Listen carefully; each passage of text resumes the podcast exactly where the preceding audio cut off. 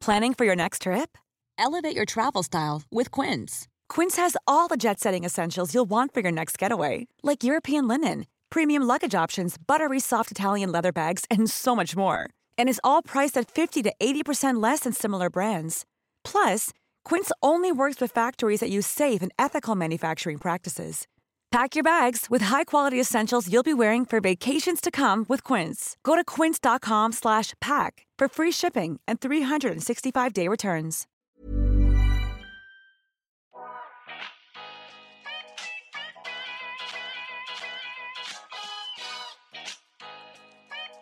Välkommen till En timme med där jag, Sanja Tegeltia, träffar människor som inspirerar mig som delar med sig om sina karriärresor, sina motgångar, om självutveckling och hur de har kommit dit de är idag.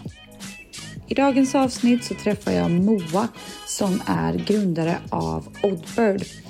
Oddbird är en, eh, ett alkoholfritt vin som har 0,00% alkohol och smakar otroligt bra. Hon arbetade som socionom och familjeterapeut under många år och träffade många föräldrar och framförallt barn som far illa på grund av alkohol. Det här väckte någonting inom Moa och hon ville göra sitt för att förändra.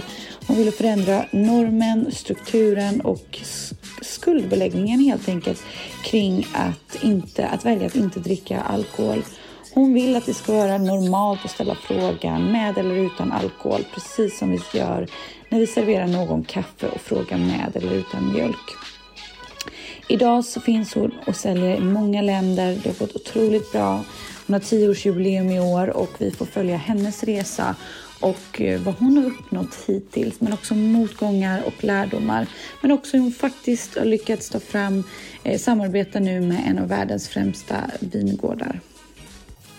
Hej Moa! Hej! Jag är så glad och ärad att ha med dig i podden. Vi har ju känt varandra i många år nu och jag har ju följt din resa på, på nära håll och inte, vi har inte träffats fysiskt i, i person på många år men vi har ju följt varandra länge.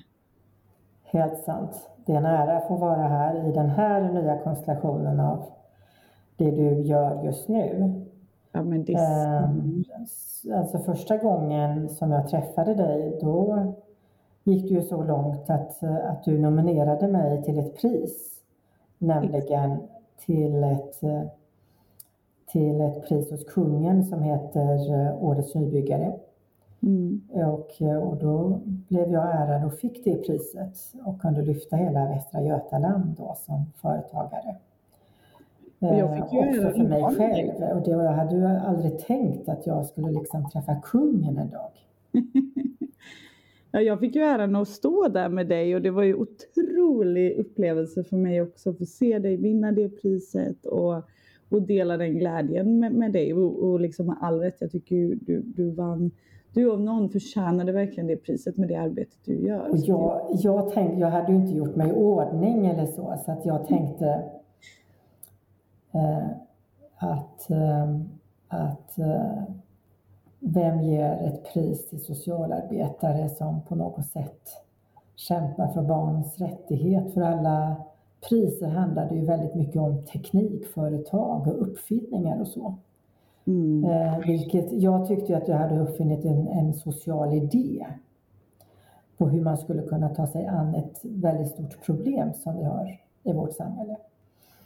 Så jag hade en social idé, eller en social idékonstruktion som man säger, där jag ville genom en konstruktion då, genom, en, genom att och, eh, knuffa människor i rätt riktning, om jag skulle säga så, till, att, eh, till eh, en, en social uppfinning som skulle kunna förändra livet för väldigt många människor, framförallt barn. Kan du inte berätta lite om, om din bakgrund och vad du arbetade med innan du startade Oddbird så att man får lite ja. hur livet såg ut. Då är det så här att ehm, då, då heter jag Moa Gulbuser och, eh, och jag, har, jag är socionom och familjeterapeut. Och jag tänkte ju inte mig när jag var ung och 25 år hade fått min utbildning i, i, till socionomyrket att jag skulle att jag skulle på något sätt avsluta min karriär genom att vara minvakare, vilket jag blev för tio år sedan i år. Eh, och, och, under den perioden då så eh, är jag utbildad till familjeterapeut, handledare i psykosocialt behandlingsarbete, eh, ja, magister i socialt arbete och så vidare och så vidare. Eh, och jag har gjort en, en liten forskning och så tänkte jag att jag skulle vilja skriva en metodbok för barn som får illa i familjer där missbruk är ett, av alkohol är ett problem. Eh, och jag hade de sista eh, åtminstone fem åren varit handledare på kvinnojourer och hade sett också barn som i barfota sökte sig till ett kvinnojour måndag morgon. Väldigt ofta, också väldigt ofta på grund av alkohol. Mm. Eh, där en av föräldrarna eller två hade eh, varit mer berusade och inte kunde hantera barnen. Framförallt var det kvinnor som, som eh, på något sätt tog sin tillflykt. Det är svårt för män om det är mammor som dricker för man vet liksom inte riktigt vart man ska ta vägen. Mm. Men för kvinnor så finns ju den här möjligheten med kvinnojourer eller andra saker. Eh, och kvinnor dricker mer i smyg medan män dricker väldigt öppet. Så, och, och även som, som familjeterapeut i de familjerna som jag, som jag hade under utredning eller under terapi så var det ju också just det här att de här familjerna som hade träffa, som, som, som kom till, som träffade sina socialarbetare efter 10 eller 12 år efter att de hade bildat familj, eh, eh, kommer till, till en situation där de egentligen inte kan hantera alkohol. Men i samma sekund så kan de inte hantera sina barn. Mm. Och i samma sekund så kan det också vara så att man tänker att jag kan inte ta hand om mina barn och, och jag vill ha hjälp med det. Och det kan också vara så här att man ifrån socialtjänstens håll säger att om inte du, du slutar att dricka så kommer vi omhänderta dina barn, vilket inte heller hjälpte så mycket eh, de här familjerna eh, som var lite grann i eh, som, som, som hade ett, ett, ett, ett, problem där man hade svårt att säga nej till alkohol. Mm. Eh, och det är ju väldigt, eh, väldigt sorgligt när man kommer till det läget att man eh, inte kan ta hand om sitt barn oavsett om man är medveten eller inte medveten så finns det ett problem som man någonstans inser att jag behöver ha hjälp med. Och den hjälpen kanske är väldigt mycket individuellt. Och efter ett tag då när man också bestämmer sig för att inte dricka eh, så är det en sån press utanför familjen som gör att pressen blir för stark eh, mot att säga nej. Utan väldigt mycket så blev det också att man eh, när man hade sagt nej till alkohol, att säga nej till alkohol blev liksom väldigt skamligt och väldigt svårt för dem att hantera. Eh, omgivningen att hantera ett nej. Eh, och det gjorde att, att eh, ett antal eh, föräldrar fall tillbaka till missbruket. För att de inte kunde hantera att säga nej. Och det gav mig en, en, en, en tanke på att vi kan inte säga att människor är traumatiserade och därför så dricker man alkohol. Eh, för det är ett förenklat sätt att se på. Eh, vi har ungefär minst 350 000 barn i Sverige som behöver en annan hjälp och som inte vill ha den här kulturen, alkoholkulturen som säger att om du dricker alkohol så är du normal, om du inte gör det så är du onormal. Mm. Eh, och vi kräver dig på ett svar.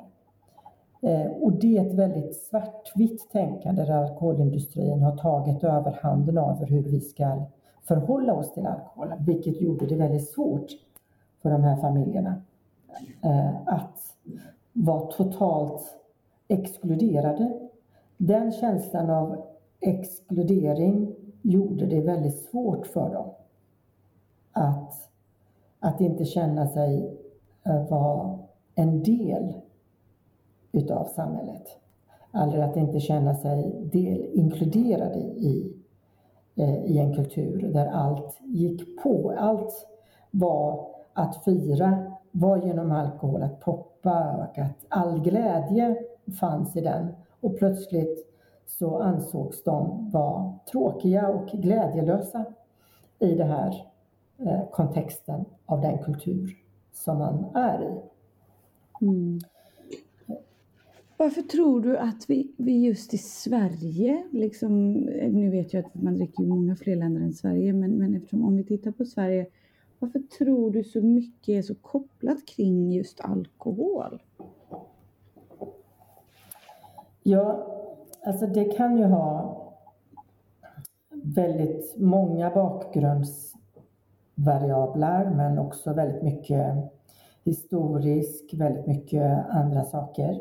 Just mm. att, att vi saknar lite kanske, att vi känner att om vi blir lite, lite fizzy på äh, i, med alkohol så, vi, så kan vi slappna av och att vi kan känna att vi är mycket nära människor. Vi har, vi har en möjlighet att slappna av och säga vad vi tycker och att det är accepterat under alkoholen. Eh, och att vi har en kultur där vi skäms för att vi skäms lite. Mm. Och det gör att den här skamkulturen gör att allting är så väldigt avstånd människor emellan där man inte känner av det sociala bandet som finns. Vilket skulle kunna ge en förklaring till att, med, att man genom alkohol vill känna närheten till de här sociala banden. I varje fall utmana avståndet mm. som man mm. tycker att man har. Det kan vara en förklaring. Eh, men framförallt så tror jag att eh, det, den, det kan vara liksom någon form av inre driv. Mm. Eh, men där alkoholkulturen biter sig i de kulturerna där sociala banden är ganska, kanske lite svaga människor emellan. Och att man ger dem någon form av eh, ett mellanläge, eh, någonting att, att, eh, att eh, eh, samlas kring som ett sätt. Eh, och det kan få liksom bättre fotfäste i de samhällena där det sociala bandet är ganska svagt. Mm. Eh, det kan vara en förklaring. Men hela alkoholindustrin har ju liksom byggt upp eh, en kultur för oss alla i den europeiska kulturen i vart fall. Där vi är mer kultiverade än någon annan för att vi, ska, för att vi dricker alkohol och att vi är mer kultiverade om vi känner till eh, fermenteringar kring druvor.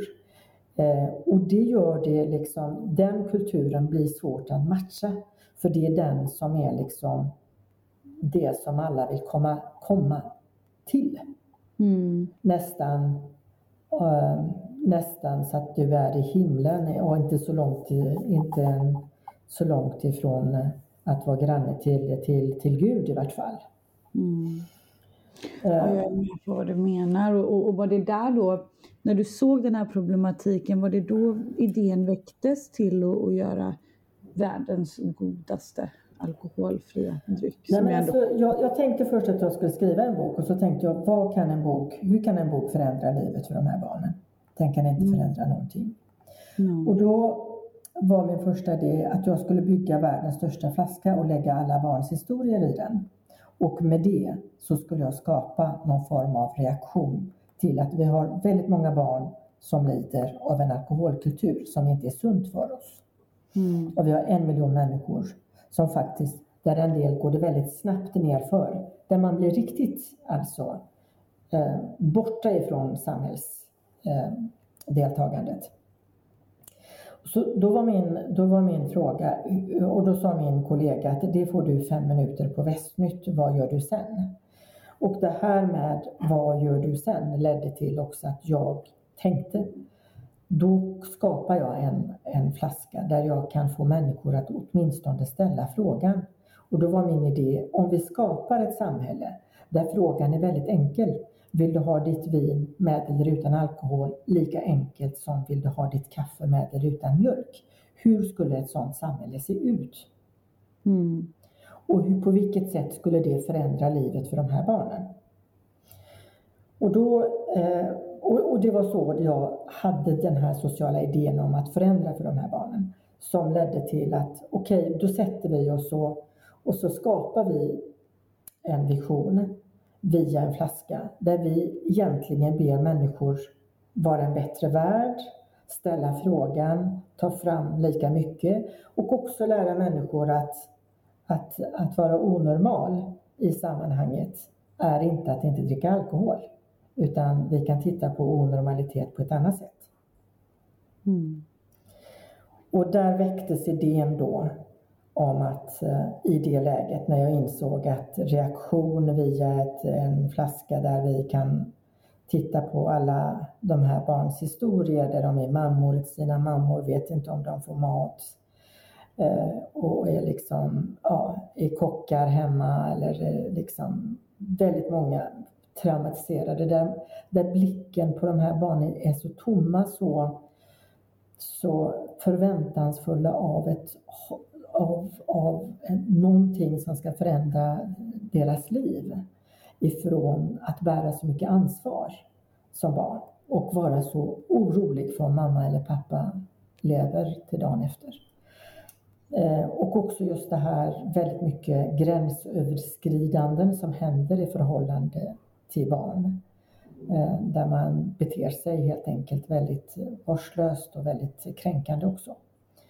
Mm. Eh, och, och, det skulle kunna göra att, eh, att vi som lever i det här samhället, som ser de här barnen, skulle faktiskt kunna med enkla knuff eller nudging eh, kunna förändra och en, en samhällssyn eh, som skulle kunna göra att det blev ett balans i systemet. Alltså ett balanserat sätt att förhålla sig till alkohol och kanske till och med komma till det läget att alkohol i den som eh, de som dricker alkohol blir, blir en dag. Eh, där de inte får känna makten över att de är det normala och kanske till och med är onormala i sammanhanget. Och det skulle kunna göra att vi faktiskt kan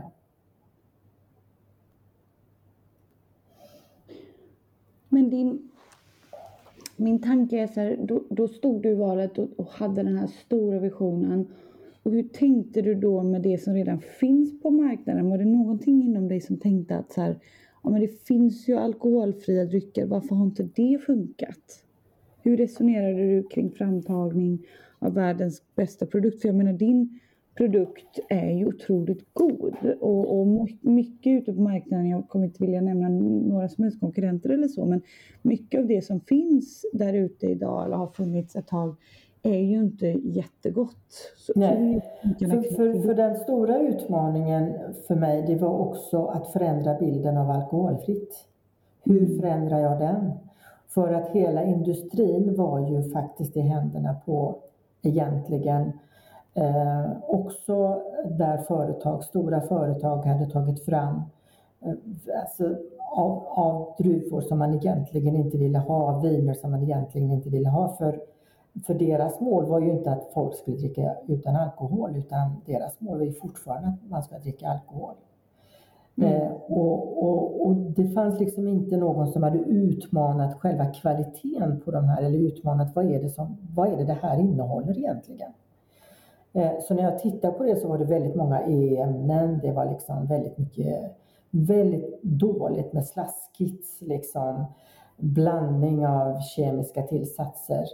Eh, och då tänkte jag, om jag tar, om jag tar fram det bästa, om jag tar fram det bästa av, av det alkohol, hur förändrar jag bilden? Jo, jag tar mm. fram det bästa. Jag, jag ser till så att jag är, jobbar nära vingården på jag ser till så att vi tittar på hela tekniken på avalkoholiseringen och får med mig ett jättestort gäng som kan hjälpa till och titta på avalkoholiseringsprocesser och få ett stort gäng till att hjälpa till med vinmakare och, och, och vinproducenter eh, som jag var inne med. Från början blev jag utslängd från varenda ställe ska du veta för att jag var ju socialarbetaren som skulle ta bort alkoholen mm. från fina, fina viner som de tänkte att det vill de inte veta av. Och, och, nu är det ju inte på samma sätt. Efter tio år så får jag liksom, så kan jag gå till ett vingård som är väldigt exklusiv som jag gjorde sist i Alsace. Mm. Där jag har fått köpa en exklusiv vin där vi har gjort det vinet tillsammans utifrån kriterier på hur ett vin ska vara innan mm. vi avalkoholiserar utifrån vad, blir, vad, vad som blir kvar också. Eh, I den bemärkelsen så har vi gjort en jättestort steg från att jag blev utslängd och efter sjätte gången så sa, så sa min broker, ska du verkligen ställa dig i kö en gång till? Och det är väl bara att ställa sig igång, det har jag gjort som kvinna hela livet så att mm. det kan ja. jag fortsätta med. så, att, så, och det är liksom på det sättet att man kände att nej men det här måste gå. Och hela min resa har ju egentligen, alltså det har ju varit jättedumma saker som har hänt under, under eh, min, min livsresa. Jag menar, jag tog eh, kontakt med en champagneexpert och la hans namn för att jag skulle få en attraktion. Fem år senare så skriver han sitt namn på med alkohol varpå jag är tvungen att avsluta den, det, arbet, det samarbetet.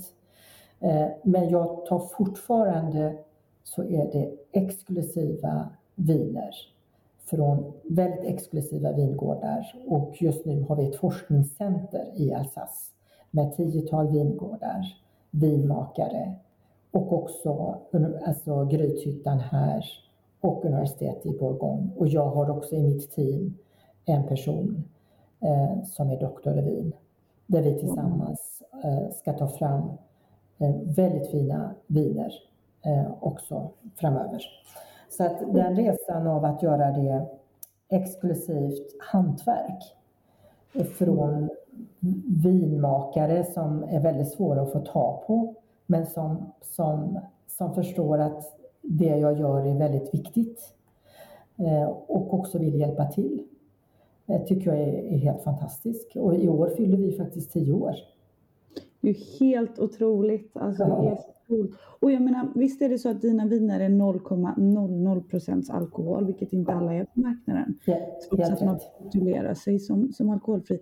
Varför har det varit viktigt för dig att det är just 0,00?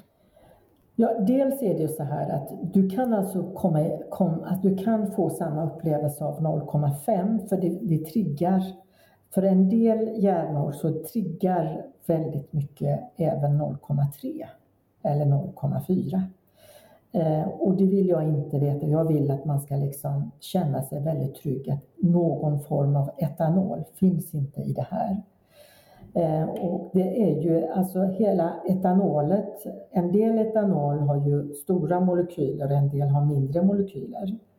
Och det gör ibland att en del av de här etanolmolekylerna fastnar sig mer i hjärnan och gör det mer beroende, så att säga.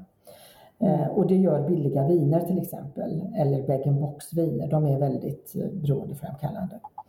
Eh, och för mig var det väldigt viktigt att man var, faktiskt vill alltså vara totalt borta ifrån etanolet. Jag driver en fråga mot etanol och alkoholindustrins sätt att, att förhålla sig till individen där vi inte, har gör, där vi inte kan göra ett val själva eh, och, och reflektera själva när vi vill dricka och när vi inte vill dricka. Utan det är väldigt mycket eh, utifrån hur du ska vara som alkoholindustrin har lärt oss. Mm. Den har ju lärt den europeiska kulturen. Alltså som, eh, som, som alltså, vi dricker ju tvådubbelt mer i Europa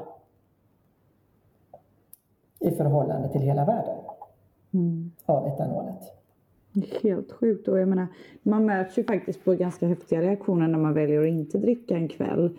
Eller frågor och sådär. Och, och, och jag, jag, tycker verkligen din fråga är så viktig. Det, det, det, den systematik som du faktiskt vill förändra. För att man är ju fortfarande lite av en outsider om man väljer att inte dricka. eller i alla fall få försvara sig, vilket, vilket är ett problem. Eh, för det är som du sa, då, då, blir det nästan att man dricker lite av nästan grupptryck eller skam eller, eller sådär. Påtvingningar utifrån. Och det gör att det blir väldigt svårt att förändra för de här familjerna som egentligen har bestämt sig för att inte dricka. Det blir väldigt svårt för dem att hålla ut, som jag såg i mina, för de familjerna som gick i terapi och som gick på utredning. Vad ser du, eh, vad, vad, vad, har du mött på under resans gång nu för, för hinder och problematik som du kan dela med dig av? Alltså det är väldigt svårt eh, för att ehm, i jämställdhetsperspektiv, eller det kvinnliga perspektivet, eh, eller det sociala perspektivet, har ju liksom inget mätinstrument på det sättet. Eh, och, och de maktstrukturerna som finns i ett eh, samhälle är väldigt, eller är väldigt försvarade till varje pris för de manliga strukturerna. Där det är svårt för en kvinna att komma in på vänstersidan och försöka på något sätt hitta någon form av, eh, eh någon form av eh, affärsklimat. Eh, speciellt inom vinvärlden där det är väldigt mycket manligt. Där det och hela supply chain av, eller hela inköpsprocessen av viner är väldigt mycket manliga. Väldigt mycket eh, indoktrinerade i, i, det, i industrins sätt att tänka. Mm. Så det sociala tänket av någonting annat är väldigt svårt eh, att, att ta till sig. Jag menar, kolla bara på Systembolagets eh, liksom, hylla. Det är som en allergihylla. Den mm. talar ju om att det normala är att du ska dricka alkohol. Det onormala är det, det är den, det är den där hyllan. Och så mm. länge vi har de här strukturerna så är det väldigt svårt att infinna, att, att bryta de här strukturerna. Eller där man som företagare inte kan säga att vi har inte alkohol på våra fester. Eh, som om själva alkoholen skulle göra att man på ett företag skulle trivas mer eller mindre. Det är sådana, eller att, att, eh, och det, och det är sådana föreställningar så att säga Eh, eller svårigheter att bryta strukturerna som alkoholindustrin har gett som jag tycker är väldigt svåra. Alltså den gemena personen kan förstå hur viktigt det är med den här visionen och också kan knuffa och få politiker kanske att reagera och säga ja men det här verkar ju ändå vara vettigt utifrån folkhälsan, utifrån alla andra saker. Eh, och det kan, man, det kan man göra. Men det är de strukturer som finns, om man inte reflekterar över dem så är det väldigt svårt. För vi behöver vara väldigt många som kan förändra. Studenter är också den gruppen som, som liksom kan förändra. Och, och, när man tittar på studenterna så har de ju ändrat väldigt mycket sin synsätt kring alkohol. Och, och, inom studenter så kan det vara så här, även om man dricker, så kan det vara en känsla av att vem bryr sig om etanolet lite.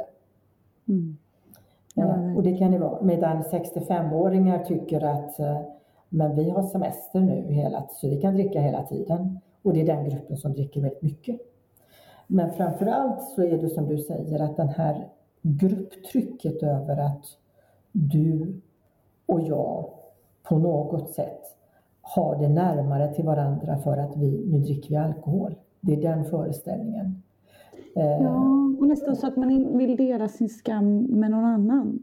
Alltså att om, om man liksom känner sig skuld eller liksom skamsen för att man själv vill dricka och då känns det nästan som att man liksom hoppar på någon annan som väljer att inte göra det. Att varför inte? Eller är du gravid? Eller ja. oh, ska du vara sådär nyttig igen? Eller liksom, man får sådana här frågor ibland så känns det som att det sitter mer i personens osäkerhet att de kanske inte vill men de, de är nere i någon typ av beroende eller liksom rutin av att dricka så att då vill man inte göra det själv. Mm. Helt, helt, helt, helt rätt. Alltså, det är just det här som vi behöver förändra. Mm. Och kan vi, om vi förändrar just det synsättet så har vi också förändrat livet för de här barnen. Och vad kan du se liksom funkar? Är det för, för, att just förändra synsättet? Du sa ett bra exempel där, till exempel att företag då väljer att till exempel ha alkoholfria företagsfester. Kan du se andra exempel där det har varit väldigt effektfullt, eh, liksom avkastningsmässigt, kanske någon marknadskampanj eller något samarbete eller när ni har uppmuntrat till exempel företag då att ta det här beslutet eller vissa opinionsledare går ut och säger saker eller vad kan du dela med dig av för reflektioner på alltså saker? Det som, det som jag tyckte var väldigt, eh, inom bilbranschen till exempel, mm. så är det ju en, en kultur över att man får en champagne eh, som man poppar upp när man köper en bil. Och i, den, i, i det sammanhanget så gjorde vi ett samarbete med Porsche eh, där, den, där man liksom bjuder på alkoholbefriade viner ifrån oss Eh, och, och att man får en utan alkohol när man köper en bil mot att man fick en med alkohol. Vilket är helt eh, sjukt, man ska ju inte dricka och köra. Det är nej, precis. Och det, och det var väldigt så här, väldigt eh, traditionellt att man fick en champagne med alkohol. Mm. Och, och, när, när jag ringde på några av eh, bilfirmorna så sa de att de inte var intresserade förrän jag kom till Porsche. Eh, som, som, kunde, som fick tänka till lite. Eh, och sen har vi gjort ett samarbete med dem och vi har tagit fram en låda där man faktiskt eh, liksom får in det här synsättet. Precis som du sa att jag ska köra bil. Jag behöver få en annan tankesätt, nämligen att den som säljer bil ska också veta att jag behöver någonting annat när jag kör bil och inte alkohol. Mm. Eh, så, så det finns ju saker och ting. Den andra, den andra är ju just det här att som jag tycker är väldigt så här att, att livet för väldigt många handlar om att visa upp sin flaska för att man firar något på Facebook mm. eller i de sociala medier som om det vore livet, så att säga, att man lägger upp. Det, det är väldigt, eh, det, det, kan vara väldigt provocerande för människor som inte kan hantera alkohol. Tycker ja, jag. Tack gode gud att det är på väg bort. Eller ja. så här, hoppas jag. Det känns ju väldigt B och lägga ja. upp.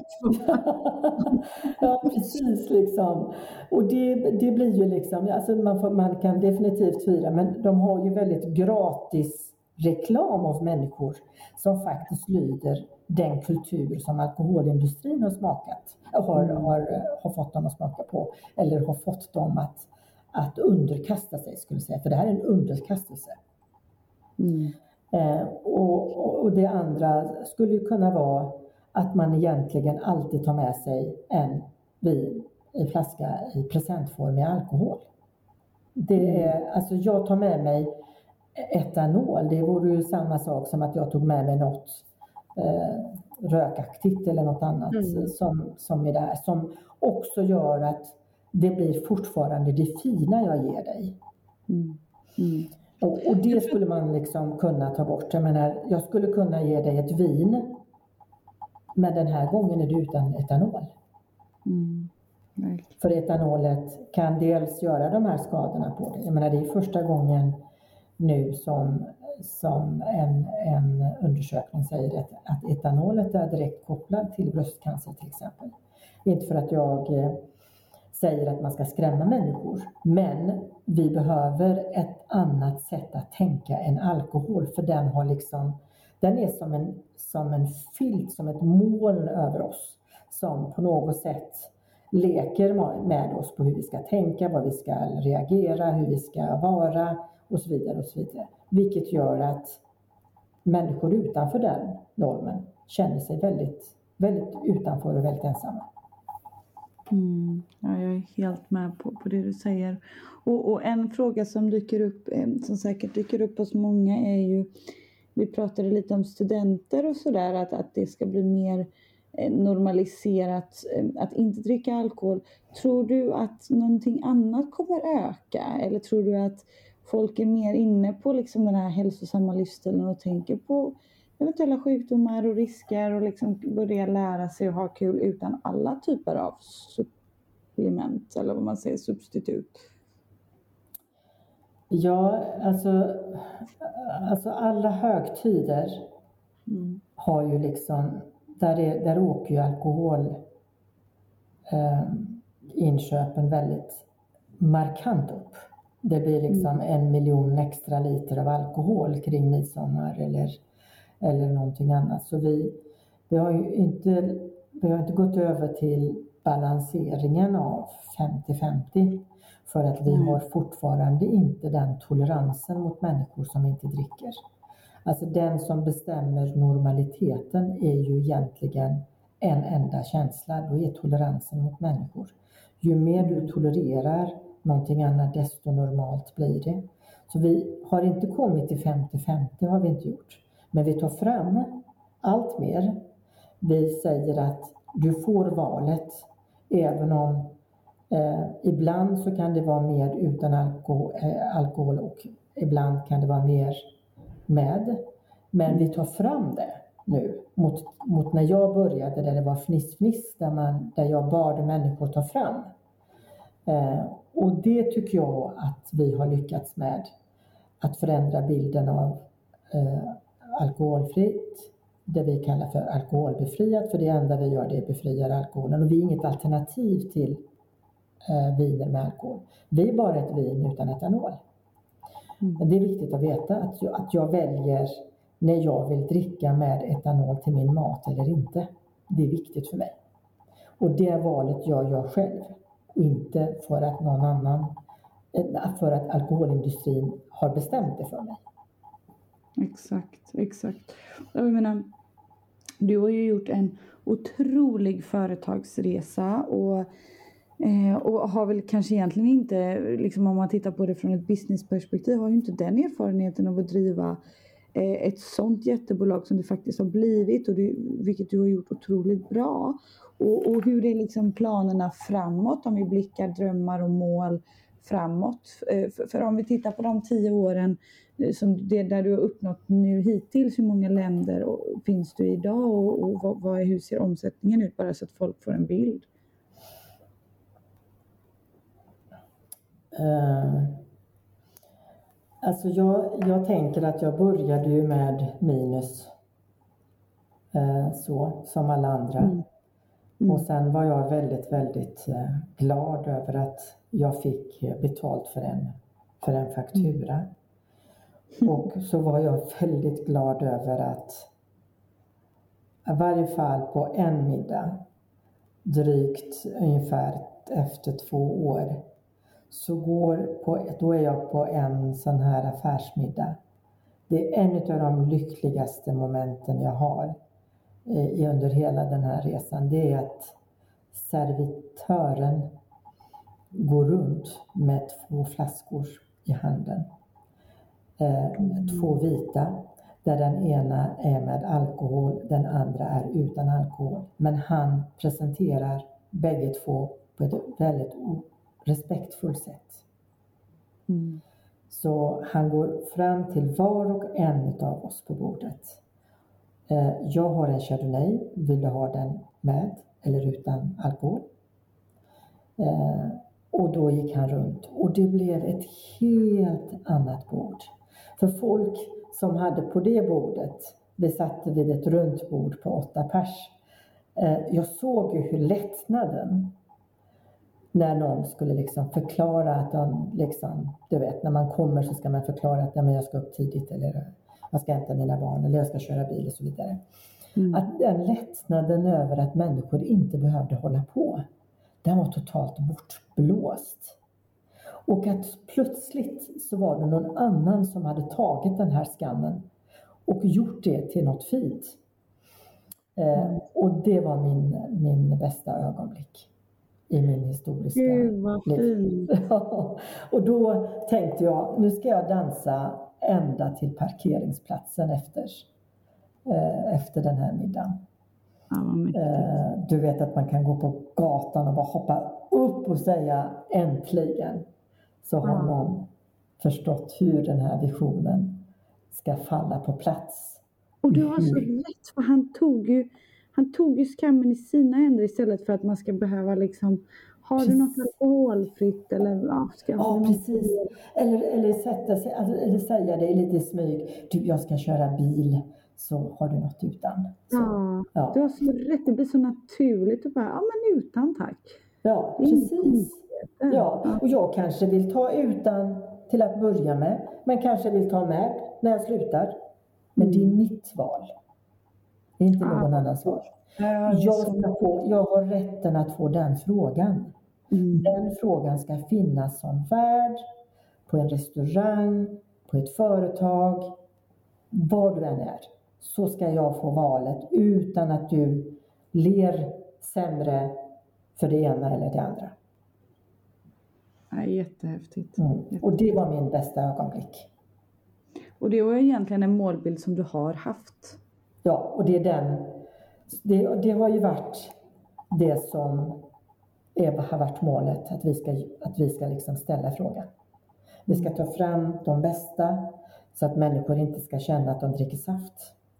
Vi ska ta fram fin värdskap med samma exakta lista på matmenyn till med eller utan. Utan att lägga någon form av, av eh, skamläggning på någon. Och, och sen så tyckte jag att det var väldigt, väldigt fint när jag var i London och, var, och besökte en bar i, på, ovanför där det här eh, köpcentret Harvey Nichols Mm. deras bar. Och så när jag kommer dit och ska sätta mig på, på den baren, då kommer alltså eh, då kommer det en meny till mig. Och det som är väldigt, väldigt roligt det är att då skriver de om mig och min vision i menyn i London på en bar som heter, som är liksom högst upp på eh, Harvey Nichols eh, eh, i, eh, köpcenter. Ja, du måste, det måste ju också varit en otrolig milstolpe. Ja, familjeterapeuten som vill att vi, och därför har vi, serverar vi ord här. Det tycker jag var väldigt, väldigt fint. En jättefin story och fint att du delar med dig och så personliga berättelser. Jag tror att du berör inte bara mig, du berör väldigt, väldigt många där ute och det är det som behövs. ehm, Din, din liksom varma, starka vision kombinerat med att förändra normer helt enkelt för att få, få igenom det här. Eh, att det finns faktiskt ett högre syfte med, med det du gör. Mm. Och om man nu har ett mål, skulle jag säga, så det enda man kan göra som, som företagsledare eller grundare, eller, det är att hålla sig till, eller jag håller mig till en sak. I, jag har bara två frågor till mina medarbetare eller till de som jag arbetar med. Förändrar det, liv, förändrar det livet för de här barnen och en miljon vuxna? Hur kan vi förändra livet? Och om vi gör något, förändrar detta livet för någon? Mm. Och hur förändrar, vi, hur förändrar vi uppfattningen om alkoholfritt? Det är de två sakerna som jag håller mig till. Och det är också just det här att hela, hela, hela, hela samhället är byggt på kronor och ören. Så de sociala företagen som jag, som använder sig av en produkt för att förändra eh, en, en social struktur som inte är bra. Vi har ju inte samma beräkningssätt. Vi behöver ju ha andra sätt att räkna fram på vad vi gör så att kvinnliga företagare kan komma högre upp och också eh, anses som företagare. För det gör man inte nu.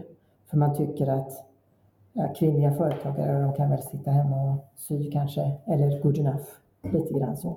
Och då får vi inte det sättet som, eh, som just det här med hållbarhet finns ju redan från starten när en kvinna startar företag. Medan för män är det att man tar in den som en brosch. Och, och, men, men det kvinnliga företaget växer inte för det finns liksom inget annat sätt att beräkna företagets sätt att växa än kronor och ören. Jag är helt med. Så det är också ett sådant sätt som man liksom behöver liksom tänka på. Men om vi inte har kvinnliga företagare, om vi inte har andra sätt eller mix av olika saker, då, då är det väldigt svårt. Alltså här, vi, vi är liksom beroende av varandra allihopa. Mm. Det, jag tror inte att det är något fint för män att, att äga 99 procent av kapitalet, hoppas jag. Och mm. att det är bara 1 procent som går till kvinnliga företagare. Hade jag varit en manlig företagare så hade jag liksom fått hur mycket lån som helst från början. Jag hade fått hur många investeringar som helst från början. Men nu råkar jag vara socialarbetare och nu säger jag att jag har två bokslut. En för hur jag ska förändra livet, två för hur de här kronorna och örena ska se ut. Mm. Och det är inte så attraktivt då. Verkligen. Nej, Moa, tusen, tusen tack för att du tusen delar din story och för det arbete du gör och, och det du kämpar för. Det är så viktigt. Och jag själv blir så inspirerad. Jag själv tampas mycket med ja, men liksom personligen, för jag jobbar med PR och, och, och, det är otroligt mycket events och det är tråkigt. Ibland har jag absolut feeling och vill dricka men det är ofta som jag inte har det. Och det är tråkigt att känna liksom kan ju bara utgå från mig själv, men känna den skammen ibland att så här, man behöver förklara sig eller undvika samtalsämnet eller nästan till och med smyga med det ibland. Verkligen. Um, och um, jag tror att man, um, man, man, jag hoppas att vi inspirerar många där ute att ta lite socialt ansvar och stå på sig. att att liksom förändra den här frågan tillsammans med eller utan. Mm. Att det inte blir eh, den här konstiga, liksom jag måste köra eller jag vill vara nykter för jag tränar eller har vit månad. Alla ursäkter mm. man kan ha. Och köpa kvinnliga produkter. Mm. Ja, jätte, jätteintressant. Tack snälla du. Tack så mycket. Tack och tack så mycket från Oddbird ska jag säga till er alla som har lyssnat. Jag hoppas att vi tillsammans kan få visionen till utan samhälle. Om ni gillar podden så får ni hemskt gärna dela den här med era vänner men också gå in och prenumerera och jättegärna lägga en liten kommentar. Det hade gjort mig så otroligt glad.